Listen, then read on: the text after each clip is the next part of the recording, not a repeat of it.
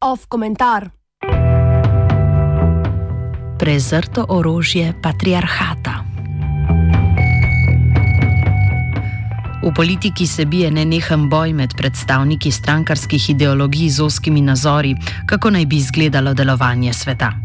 Pri izoblikovanju teh nazorov so desetletja, če ne stoletja, sodelovali predvidljivi igravci. Vedno moški, večinoma iz zgornjega, srednjega in zgornjega družbenega razreda. Kasneje vsi, ki so imeli svoj košček zemlje, ter na to še vsi tisti, ki so jih ob rojstvu razglasili za primerek moškega spola.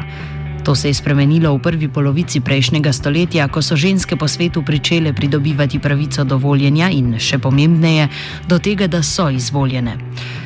To pa ne pomeni, da so se s politično reprezentacijo žensk njihove pravice začele zdeti samoumevne. Pogosto so bile največje nasprotnice prav one. Motivov je več.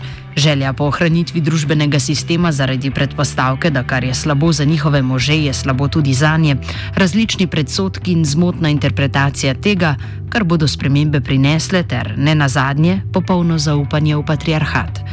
Primer tega je bila recimo Filis Šlafli, ki je v 70-ih letih prejšnjega stoletja uspešno preprečila ratifikacijo ustavnega amantmaja, ki bi upisal enakopravnost v ustavo ZDA. To je argumentirala z upoklicem v vojsko, izgubo socialne varnosti in podobnimi, podobnimi strah zbujajočimi lažmi. Še danes ustrajajo na zadnjaške ideje, ki jih v družbi širijo tiste, ki jim prav te ideje škodijo, torej ženske.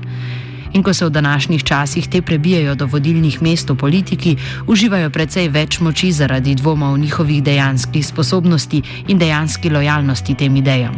Zato so za napredek družbe veliko bolj nevarne kot konzervativni moški. V skoraj 30 letih od razglasitve Slovenije za samostojno državo smo imeli le eno predsednico vlade, eno ministrico za finance, dve ministrici za kmetijstvo in kar pet ministric za zdravje. Predsednice države za zdaj še ni na vidiku. Slovenija ni edina država, kjer se v politiki ženske le redko vidi na vodilnih položajih.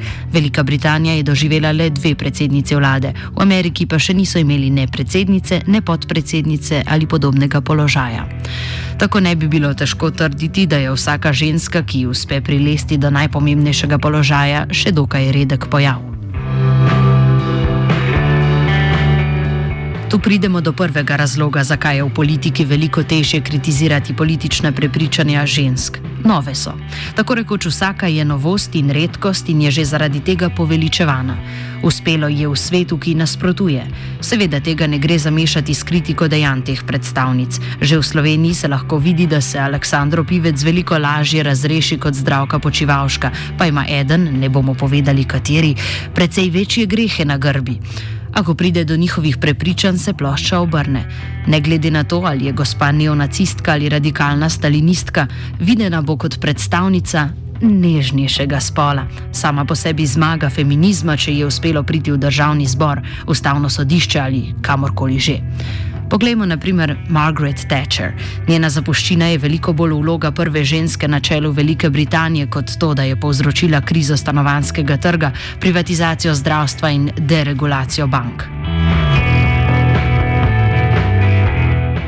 In če je to zmaga feminizma, pomeni, da bi morale biti feministke z njo zadovoljne, kaj ne? Saj celotno gibanje temelji na sestrstvu, povzdigovanju druga druge. Zato feministično gibanje težje kritizira takšne primere uspehov. Izpostavijo se napadu, da podpirajo le levičarke. Torej, Kritika samih ideologij teh žensk strani feminističnega gibanja je otežena. Konzervativci nimajo motivacije, da bi jih kritizirali, še več, njihov obstoj se zlahka izrabi za mehčanje lastnih prepričanj. S tem mislim retoriko. Nismo seksisti, le pogledajte to eno žensko predstavnico, ki jo imamo. Za realizacijo tega, da bi sredina zares kritizirala prepričanja, pogojena z vzgojo, vero, izobrazbo ter sebičnostjo, pa v času politične korektnosti ni velike možnosti. Ta učinek se še poveča, ko zagovorniki opresivnih prepričanj uporabijo argument manjšine, historično zatirane skupine ljudi, ki že ve, kaj je dejansko opresivno in kaj le zlagana prizadetost. Ženske imajo veliko večjo legitimnost pri recimo nasprotovanju splavu, saj so same del skupine ljudi, ki jih ta diskurs zadeva. Saj so same ženske, že vedo, o čem govorijo. Vsako prepričanje lahko podkrepijo z razumevanjem situacije, saj obstaja možnost, da se v njej znajdejo tudi same. Začne se poveličevanje materinstva. Ženska v svoji tradicionalni vlogi, hkrati uspešna političarka. Kako ne bi mogla uspešna mati razumeti želja in ciljev današnjih žensk? Ona je tista prava, da se ukvarja z reproduktivnimi pravicami vseh češ, saj če je uspelo njej, bo drugim tudi. Strankam, ki podpirajo prepoved splava, ni težko prevzeti identitete te matere, da utemelijo svoje prepričanje, hkrati pa trkajo na vest vsem, ki bi se drznili zoprstaviti romantizaciji materinstva.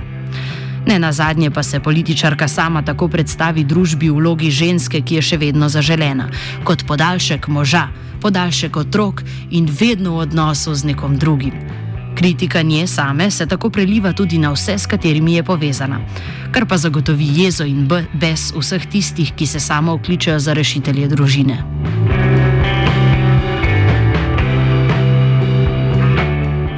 V nekaterih kulturah problem kritiziranja političnih idej sega še dlje.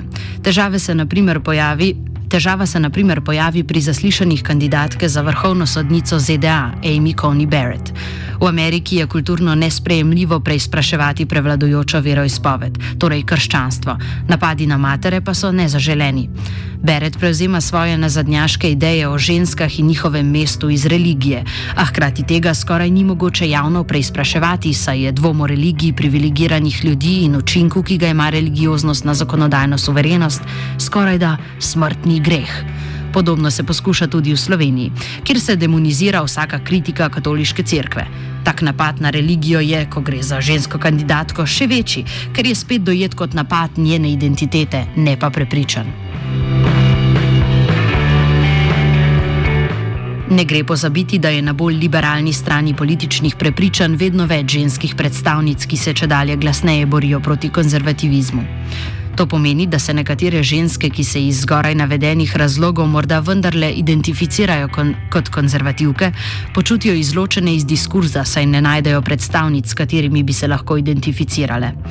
Tako izginja centristična opcija konzervativne ženske, ker se zdi, da je za kontriranje bloku liberalnih feministk potreben glasen, radikalen glas. Radikalno se ne zdi škodljivo, saj so to vendar predstavnice konzervativ konzervativnega feminizma. Očitno podpirajo uspešnost žensk v službeni sferi, češ, glejte, kako daleč so prišle. Pri tem se ignorira mentaliteta teh posameznic, ki niso za splošno liberacijo žensk, temveč le za liberacijo ter uspeh njih samih. One so vendar izjema standarda, ki ženskam narekuje kuhanje kosila ter rojevanje otrok. Zase najdejo izgovor, češ, da so njihove potrebe in želje posebne, drugačne od teh, ki jih ima navadna ženska. Do svojega položaja pridejo tako, da druge ženske postavljajo na položaj, ki je pod tistim, ki pripada moškim. Vseeno pa so one tiste, ki se lahko z moškim v javni sferi enačijo, saj omogočajo preživetje patriarhata. Tako so tudi ženske same pripravljene sprejeti, da jih zastopajo verske fanatičarke, ki zagovarjajo popolno podreditev moškemu, če to pomeni pridobitev koščka reprezentacije njihovih idej. Nevarnost se ne nahaja v sami prisotnosti teh žensk, marveč v tem, kako jih obravnavamo. Dokler so videne kot nedolžne predstavnice neke konzervativne ideje feminizma in ne kot oportunistične, skoraj nedotakljive seksistke, imajo pri razkroju ženskih pravic neovirano pot. Komentirala je Lucija.